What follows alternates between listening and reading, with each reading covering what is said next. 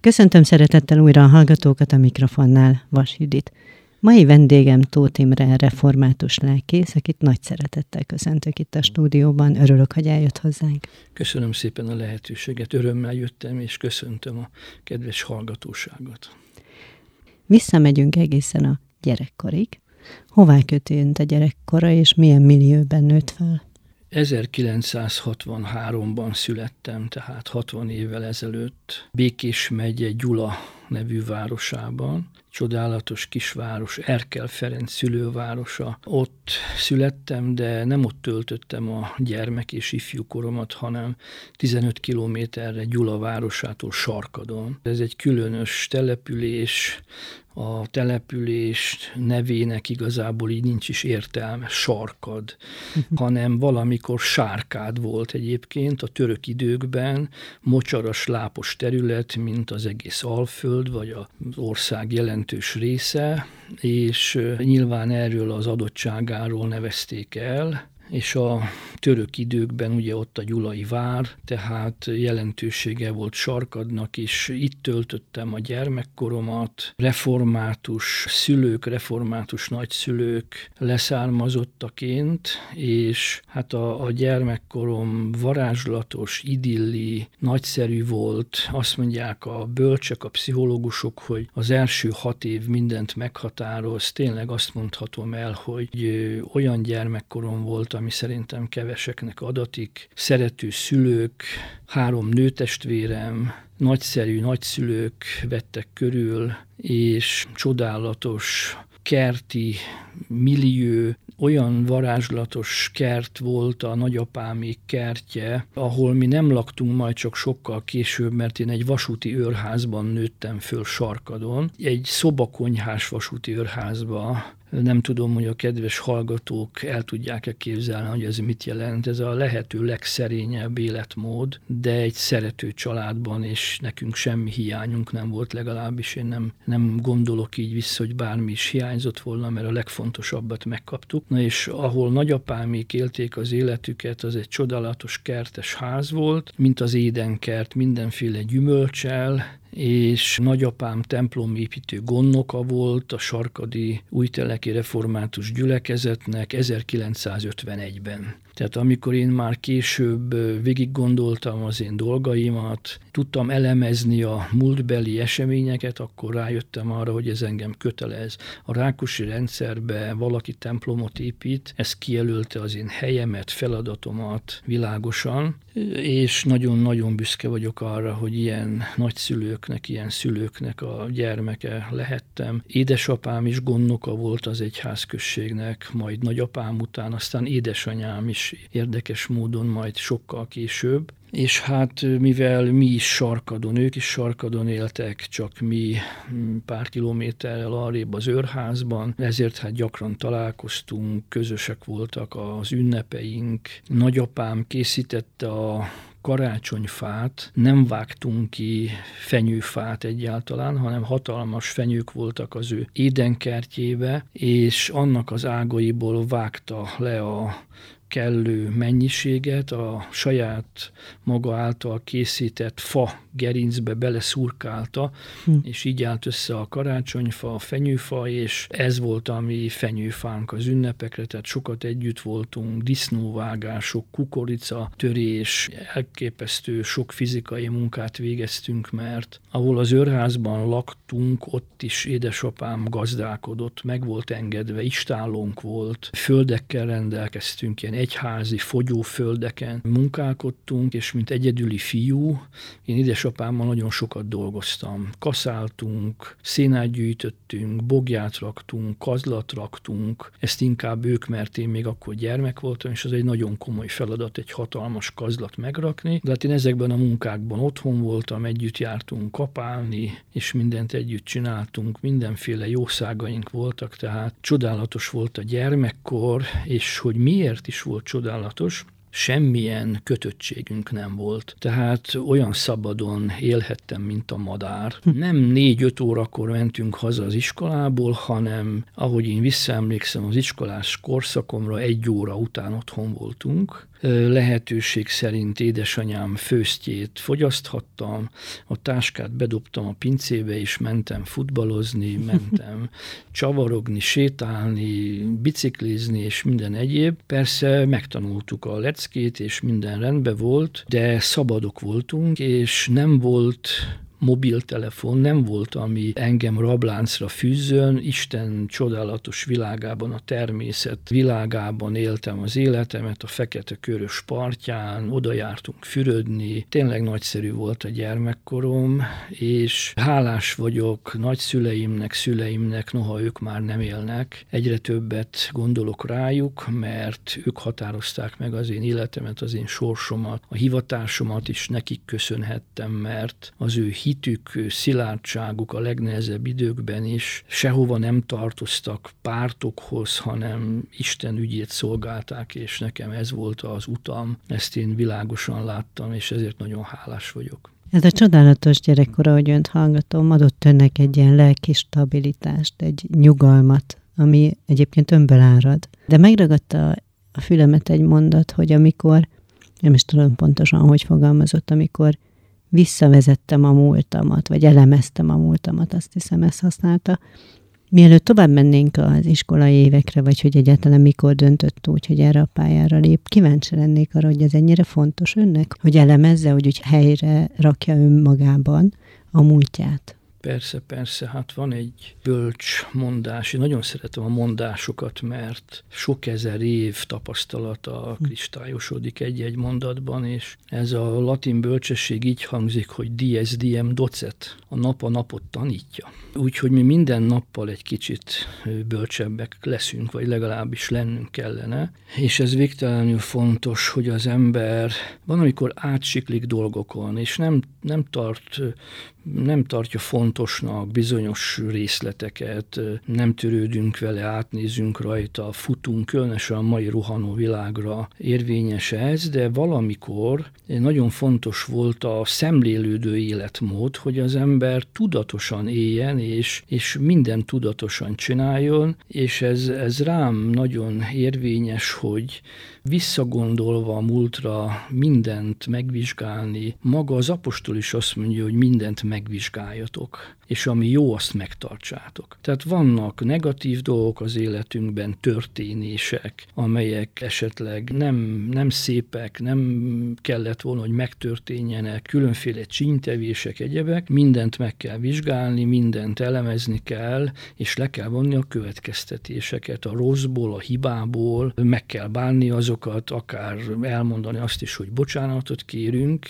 A nap a napot tanítja, tehát nekünk bölcsé kell válnunk, nekem ez a gondolatom, és ez nem, nem korhoz kötött, ezt az ember 20 évesen is ezt a szemlélődő életmódot viheti, csinálhatja, ha kellő tudása és kellő kíváncsisága van a dolgokra, mert mérhetetlen kíváncsisággal éltem az életemet, a tudományok iránt is, a világ dolgai iránt, a világ szépség, az élet nagyszerűsége iránt is, akkor másfelől pedig el kell valahova jutnunk, és ahhoz, hogy az ember eljusson valahová, ahhoz világos látással kell rendelkezni a múltunk, a dolgaink, az események tekintetében is.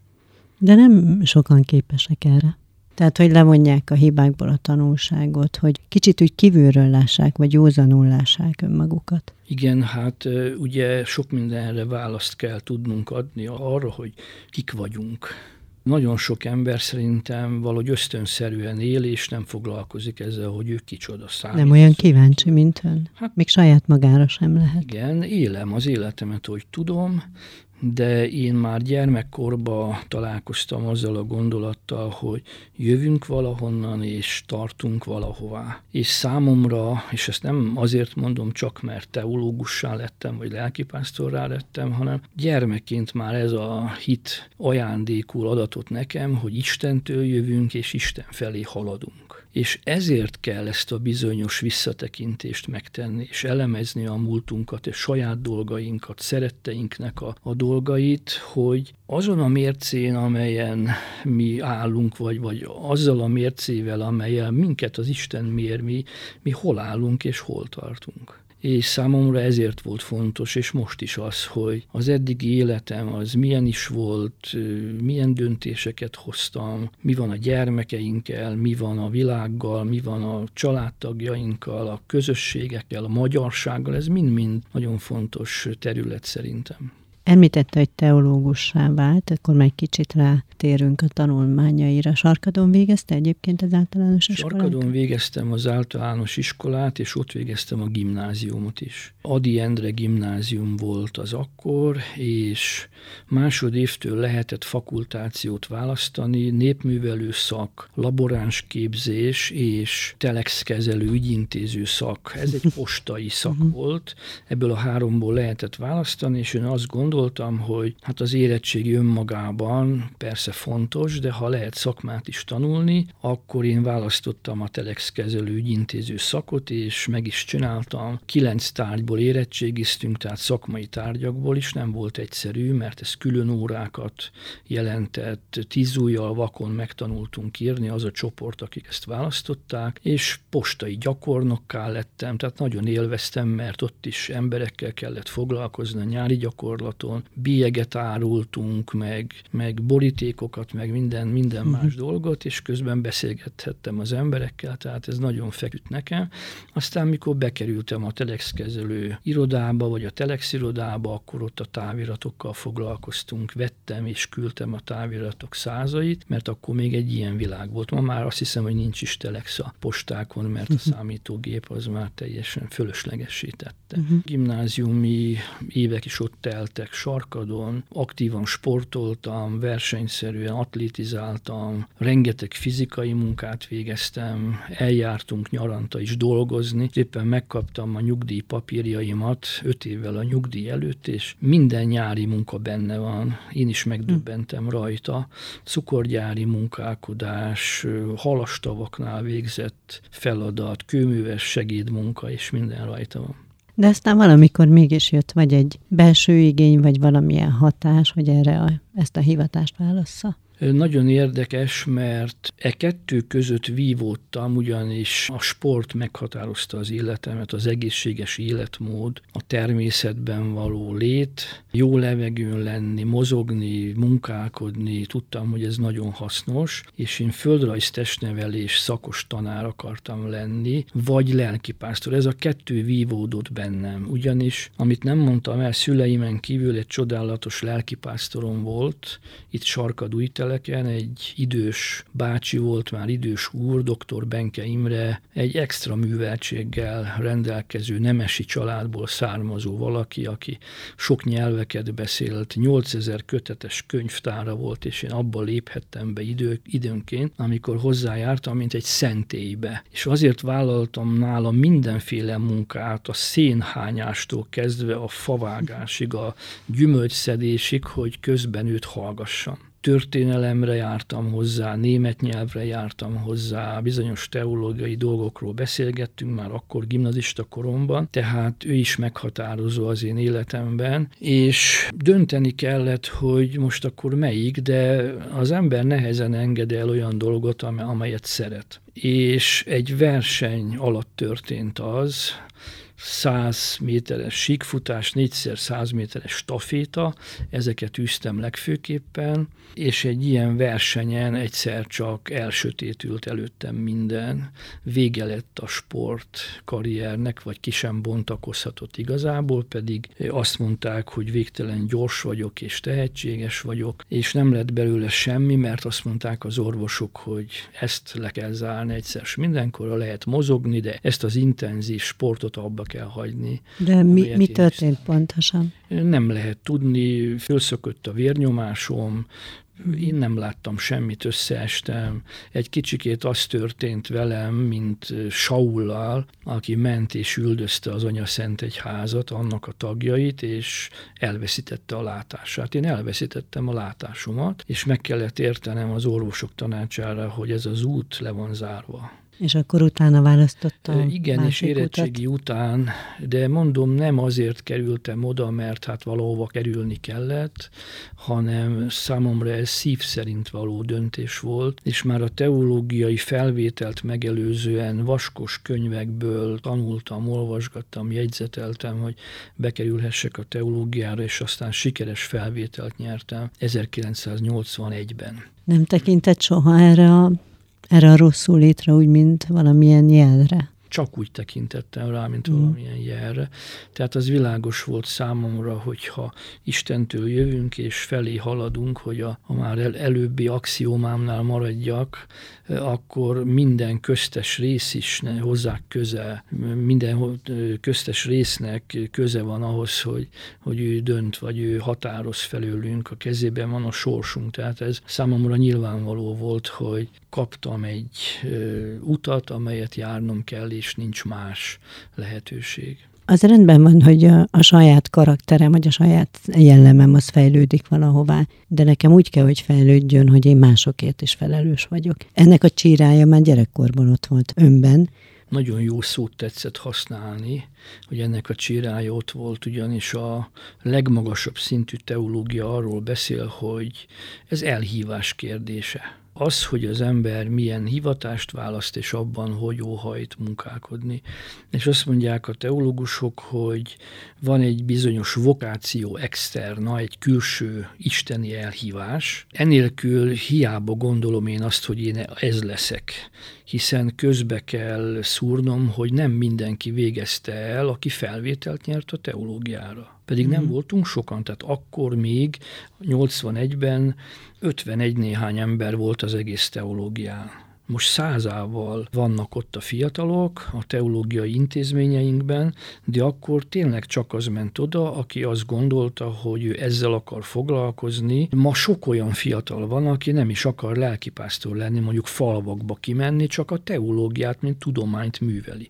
De ennek önmagában sok értelme nincs. Mi pedig úgy voltunk ott, hogy ezt a vokáció externát, akik maradtunk és meg lett próbálva a hitünk, majd el fogom mondani, hogy milyen módon, még ugye a külső elhivatáshoz a belső, a vokáció interna, így nevezi a tudós világ, a teológián belül a belső elhivatás is kellett, tehát hogy én megértem az Isten hívását, felfogom ebből az elemző életmódból, és én válaszolok erre, hogy akkor én most ezt akarom csinálni, vagy nem akarom csinálni. Hogy minden erőmet összpontosítom, hogy akkor megfeleljek ennek az elhívásnak, és ez a belső elhívás is igentmondás formájában ott van, hiszen azt mondja az Úristen Jónásnak, hogy menj Tarzusba, és megy Ninivébe. Tehát nem föltétlenül kell nekünk arra menni, amerre Isten akarja, megyünk a fejünk után. Mert hát van rá szabadságunk, de hogy aztán abból mi lesz? Hát egy óriási kavarodás, hogyha csak Jónásnak az életére nézünk. Én pedig megértettem az Isten elhívását, magam is igent mondtam rá, és ekkor fejlődik igazán az ember, hogyha mindezekhez olvas, megpróbálja a tudományt is a hithez ragasztani, mert ez is az ige mondja, hogy ragasszatok a ti hitetekhez tudományt. Nagyon fontos, mert a tudomány hit nélkül igazából nem állhat meg, még akár veszélyes is lehet. A hit viszont tudomány nélkül kiszolgáltatottá válik. Tehát, hogyha én azt mondom, hogy nekem hatalmas nagy hitem van, de tőlem kérdeznek bármilyen történelmi vagy filozófiai kérdést, és én arra nem tudok kompetens módon válaszolni, akkor az én hitem, mások is azt fogják mondani, hogy jó, hát ez egy annyira naív, együgyű ember, hogy ez nem tényező a világban. Hmm. Tehát ezért mondja a Szentírás, hogy ragasszatok a hitetekhez tudományt. És ez nagyon fontos, hogy mint egy, mint egy melvért a hitünk az körül legyen bástyázva ismeretekkel, nyelvi, más egyéb ismeretekkel, mert ezek nagyon fontos dolgok. Hmm. És akkor fejlődik az emberben a hivatástudat is, hogyha ezeket mind magába szívja, és hogy mi volt a hitnek a próbája, hát tessék elképzelni, vagy szeretném, ha megértenék a kedves hallgatók, hogy egy év egyetemi tanulmány után otthon vagyok a nyári szünetben, esszük a dinnyét az udvaron, csodálatos 40 fokos alföldi hőség, és jön a, jön a postás, és hoz egy behívó parancsot, Tóth Imre névre, és én azt hittem, hogy az 51 néhány éves édesapámat viszik katonának, és mondja a postás, hogy nem, a fiatal úré, és én tíz nap múlva Zala megyében a lenti laktanyában, első lépcsős laktanyában találtam magam, és majd két év múlva kerültem vissza a teológiára. És voltak olyan társaim, akik ugyanígy jártak, és nem mentek vissza a teológiára, mert közben olyan hatások érték őket, hogy ők más irányt vettek. Elzüllött egyik másik, ma már van olyan társam, akivel együtt voltam katona, nem is él, mert ezen a lejtőn ment lefelé, és nem tudott megállni, pedig tehetség tehetséges volt, értékes volt. Tehát én nem magamnak tulajdonítom azt, hogy megálltam, egyáltalán nem, hanem az Isten segítsége volt az, hogy, hogy végigcsinálhattam a katonaságot, és megerősödött a hitem. Tehát én úgy mentem vissza, hogy igen, ez világos, ha eddig bármilyen kérdés lett volna is bennem, nekem ez az utam és ez az életem.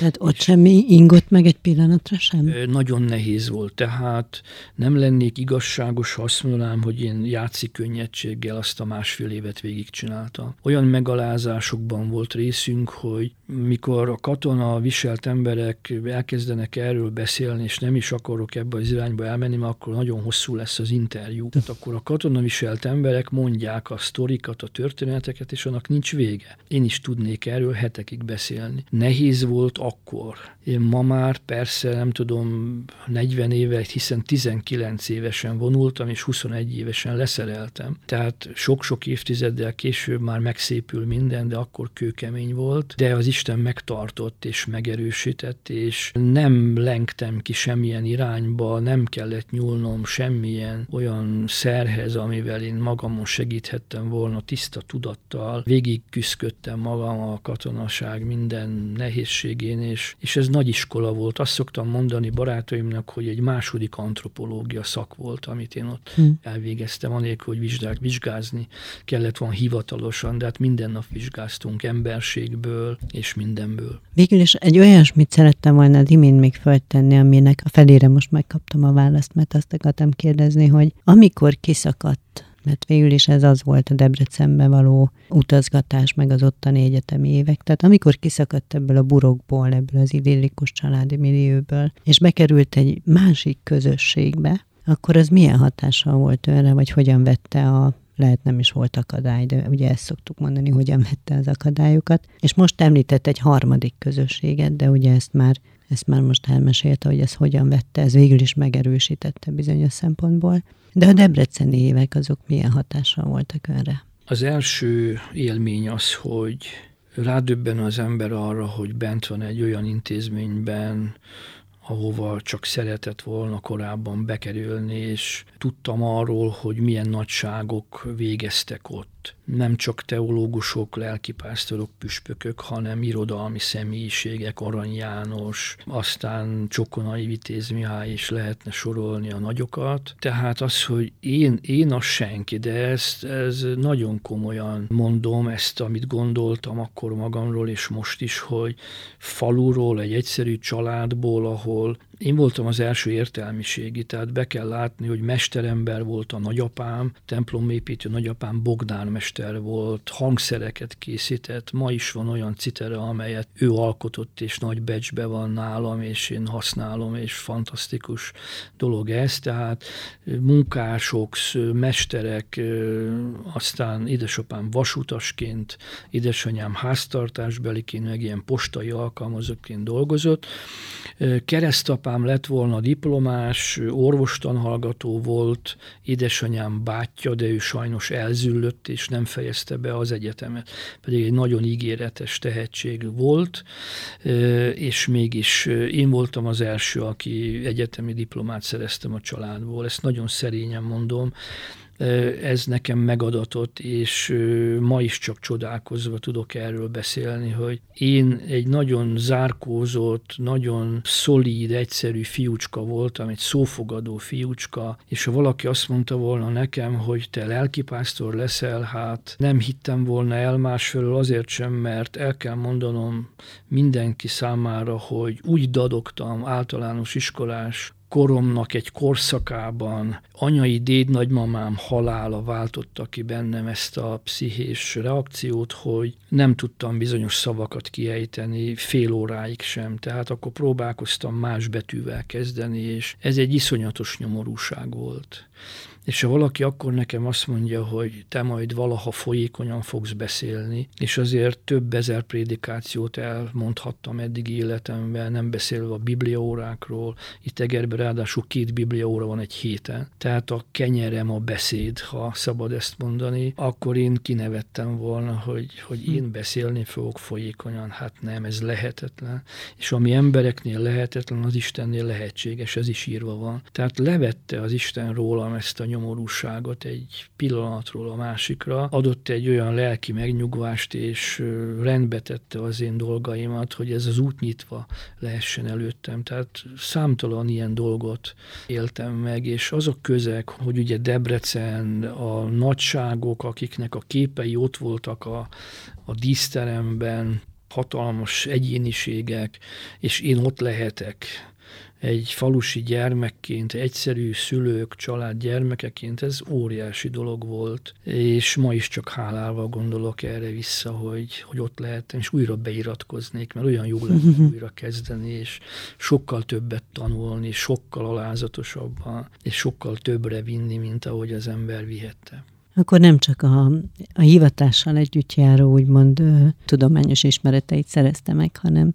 önmagát is egy kicsit még jobban megismerhette, és magabiztosságot, nyitottságot is kapott, vagy szerzett ott. Ha jól tudom, több mint két évtizedig, 23 évig szolgált székkutason. Előtte hol volt? Tehát hol kezdődött el az önpályája? Nem voltam sehol előtte. Ja, tehát ez volt az első. Az volt az első helyem, és Eger a második szolgálati helyem. Ezért is nagyon hálás vagyok, mert nagyon sok fiatal most két-három év után szedi a sátorfaját, és keresi az újabb és újabb helyeket. Nekem ezt nem kellett.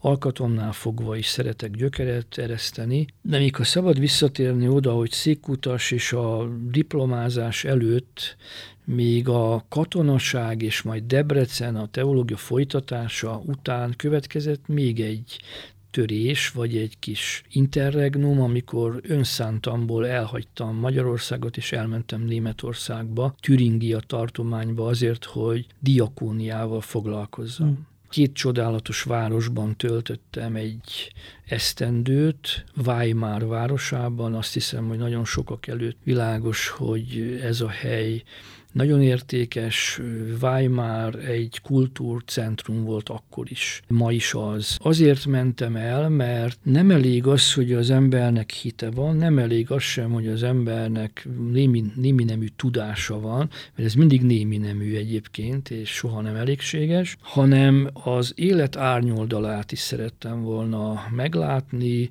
a szenvedést, a nyomorúságot, ezért mentem tudatosan az öregek közé, és hatalmas áldás volt, noha ott hetente haltak az emberek ebben az evangélikus öregotthonban, Weimar városában. Egy Wichernheim nevezetű otthon volt ez, ez a Wichernheim egy német egyházi személyiség volt, aki létrehozta az öreg gondozást, és róla nevezték el ezt a központot, és csodálatos fél évet töltöttem ott. Az volt a dolgom, hogy kerítést festettem az első időben, ott is a főnökség próbára tette engem. Tehát például ilyen, hogy novemberbe kellett Németországba kerítést festeni. Ez azért volt, és ezt nagyon komolyan mondom, hogy a magyar emberke az próbára legyen téve.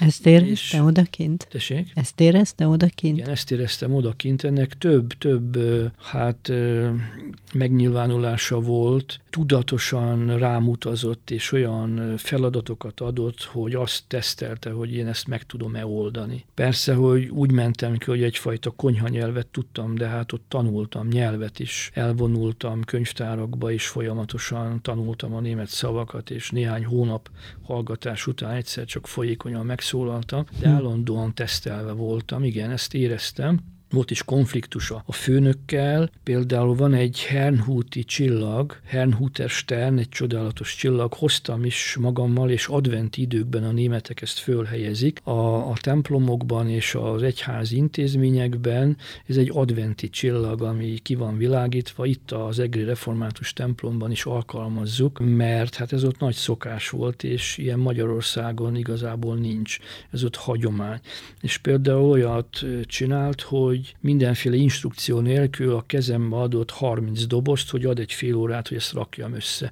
Na most ennek az összerakása nem egyszerű dolog, és utána 30 perc múlva megjelent, hogy készen vannak a csillagok, és föl voltak akaszgatva, és akkor nézi, számolja, és azt mondja, hogy ez nem létezik, hogy ön ezt megcsinálta. Tehát mondom, miért? Mit gondol, hogy ki csinálta? Nem, ez segítséget kapott. Mondom, nem, ezt én csináltam egyedül. Tehát ilyen megmérettetések voltak, de nem is ez a lényeg. De ezek önt erősítették. Ö, igen, igen, ezek, ezek is bizonyára erősítettek, mert ugye hát akkor már így megvoltam próbálva katonaság után, és teológia vége felé, mert negyedéves koromban mentem el Németországba, de hát az igazán erősítés az volt, hogy ugye haldoklókat forgatni. Ez azért volt fontos, bocsánat, hogy lelkileg megerősödjön, hogy fogja ezt bírni? Igen, ugyanis tessék elképzelni, vagy a kedves hallgatóknak is mondom, hogy én ismerek olyan lelkipásztort, aki halottat még nem látott. Hmm. Én nagyon sok halottat láttam, sőt, nagyon sok ember elment a kezeim között. És ez ott lett megalapozva, hogy hat éves voltam, és szerintem a teológia mint választás, tehát hogy én ezt a hivatást választom, ebben is nagy szerepe volt annak, hogy apai nagymamám ravatala mellett álltam 30 centre a kitakart nagymamám teste mellett. És nem tudtam levenni a szemem róla, és azon gondolkoztam, hogy de mi ez? Mm. Hogy van Viszont az az élmény egy megrázkutatás volt önnek, és volt ugye egy olyan hozadéka, amiből aztán kigyógyult, vagy ami elmúlt, most mégis tudatosan választotta azt, hogy mégis megküzd ezzel. Igen, igen, és ott megbarátkoztunk ott az idősekkel, ott is volt olyan idős néni 90 fölött, hogy állandóan ezt kérdezgette tőlem fekete hajjal, fekete bajusszal, én megjelentem ott a germánok között, hogy ugye ön nem német, ez volt állandóan a kérdés. És mondtam, hogy nem, én magyar vagyok, és akkor olyan három lépés tartás, hogy ő nem német, hát igen, nem, én nem német vagyok. De aztán meggyőztem őket, mert vég végtelen szeretettel fordultam feléjük, ahogy csak tudtam, mindenben a kedvükre jártam. Valami kérésük volt, akkor beszereztem. És ezt ők akceptálták, és nagyon megszerettek. És például volt olyan, hogy miután egyik-másik hölgy elhalálozott, idős néni eltávozott, a családtagok kerestek meg engem a főnökön keresztül, hogy ők a magyar fiúval akarnak találkozni, és ajándékokat hoztak, mert ők hallották a, az édesanyjuktól, hogy én milyen kedves voltam hozzá, és hogy látogattam meg, meg mindent megtettem érte, és ilyen számtalan volt. Tehát azért mentem oda, hogy belelássak az élet mélységeibe, és hát persze sikerült, nem volt, mm. nem volt nehéz ezt megtenni olyan közegbe. És a második fél év pedig um, Weimartól északabbra egy Bad Blankenburg nevezetű, ugyancsak türingiai település, ahol fogyatékos gyerekek között voltam egy másik fél évet, és az is egy nagy iskola volt. Egy újabb, hát nem tudom, jó szó-e az, hogy újabb kihívás, de az biztos, hogy egy újabb olyan terület, ahol megint arra Igen, volt ez szükség, hogy... tehát aki Igen. lát egy beteg gyermeket az utcán, egyet, viszik a szülei, a kocsiba csavargatja szegény a nyakát, a fejét, látszik rajta, hogy beteg sérült, hát jó, aztán arrébb néz az ember, és ott már mindenki egészséges, de mikor 60 ilyen ember van az ember körül, és én közöttük vagyok nap, mint nap, és volt egy olyan rétege ezeknek a gyerekeknek, akiket etettünk, füröztöttünk, etettünk, füröztöttünk, és ez, ebből állt az egész nap. Tehát roncsok voltak, emberi roncsok. És az volt a maximum, hogy egy-egy koncert után, vagy füröztés után nyáron ilyen nagy medencékbe fürdettük ezeket az emberi roncsokat. Ezek gyerekek voltak, lányok, fiúk, különféle korúak, kisebbek, nagyobbak, hogy egy-egy mosolyt vagy egy rándulást kaptunk az arcukon, és azt mondták, hogy ez a hálájuk mert például koncertet csináltak a németek a beteg gyerekek számára. Van ennek értelme, kérdezni az ember is mm. volt, mert egy fél órára jól érezték magukat. De biztos föltette önben azt a kérdést, amit a nem hívők szoktak föltenni, ilyen eset kapcsán sokszor. De miért? Tehát, hogy miért kell ilyen áltatlan lelkeknek, gyermekeknek ennyit szenvedni, és miért ez a sorsuk?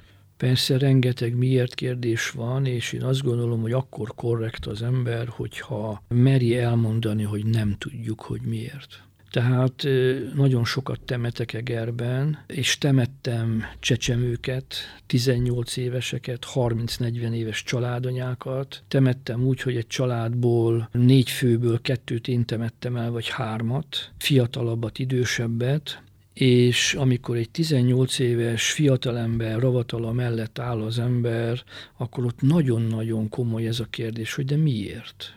Na de ki az a bölcs, aki ezt meg tudja mondani, hogy miért? Nem tudjuk megmondani, hogy miért, és én nem is szoktam ezt a kérdést boncolgatni, hogy megfejtsem, hogy miért, mert, mert nem tudjuk, és nem értünk hozzá. Isten titka, hogy miért. Mi nem tudjuk. Viszont azt, hogy van egy távlat ezen túl, és lássunk ezen túl bármilyen szomorú is, emeljük följebb a tekintetünket, mert ezek nagyon szomorú jelenségek. Egy professzorom azt mondotta, hogy a temetőkben arról kell beszélni, hogy most még sírunk, de a mi sírásunk egyszer nagy örömre fordul mert akár a beteg gyermekek ezen sérültek, akikről szó volt, akik között mozgolódtam, vagy akár más családtagjaink, betegeink fölött. A mi kérdésünk az, hogy no de miért? Az én családomban is van fogyatékos gyermek, most éppen itt van nálam, és mérhetetlen jó kapcsolat van közöttünk. Idősebbik nővéremnek a fiacskája, aki úgy szeret engem, hogy senkitől annyi szeretetet én nem kapok, mint ettől a fiútól és vannak egészséges unoka, öccseim, meg gyermekeim, és őktőlük sem kapok annyit, mint ettől a gyermektől. Tehát akkor nekem az a kérdésem, hogy ki a fogyatékos? Nem is szabad ma már használni, de én tudatosan használom, mert arról akarok beszélni, hogy lehet, hogy mi egészségesek vagyunk, fogyatékosak. Kiával vagyunk a szeretetnek ugye valami nagy-nagy tüzet kéne rakni, hogy melegedjenek az emberek. Tehát mi vagyunk a fogyatékosak, hogyha ha őket nézzük.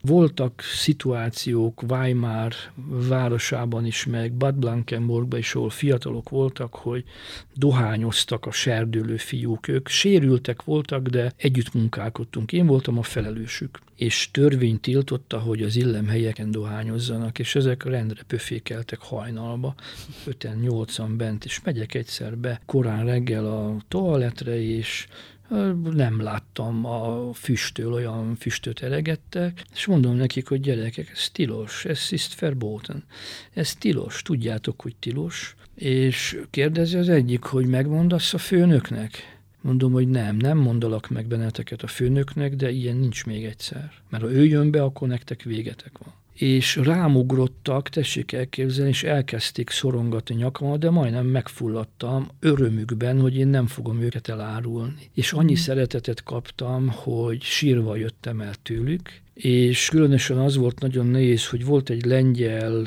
származású fiú, egyik ágon lengyel, másik ágon német szülő gyermeke volt. Ő nem volt igazából fogyatékos, hanem eldobták a szülei, és ebbe sérül, lelki sérült volt ez a fiú. Egy nagyon helyes, nagyon értelmes, aranyos fiú, és mikor én jöttem el, akkor azt mondta, hogy én a te gyereked akarok lenni.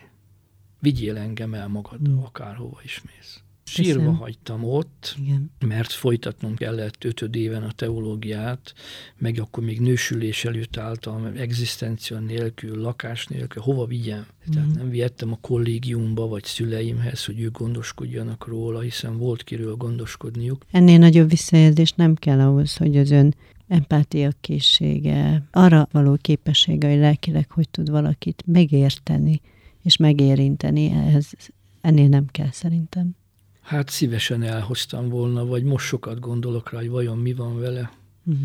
Nos, az az érdekes helyzet állt elő, ami még nem fordult elő velem, megmondom őszintén, hogy az időnk véges, viszont nagyon-nagyon sok mindent szeretnék még önnel megbeszélni, átbeszélni, öntől hallani, Úgyhogy szeretném arra kérni, hogy a székutas egri évekről, meg a jelenről egy másik adásunkban beszélgessünk, úgyhogy ha van kedve és ideje, jöjjön vissza majd hozzám. Nagyon szépen köszönöm, örömmel jövök vissza.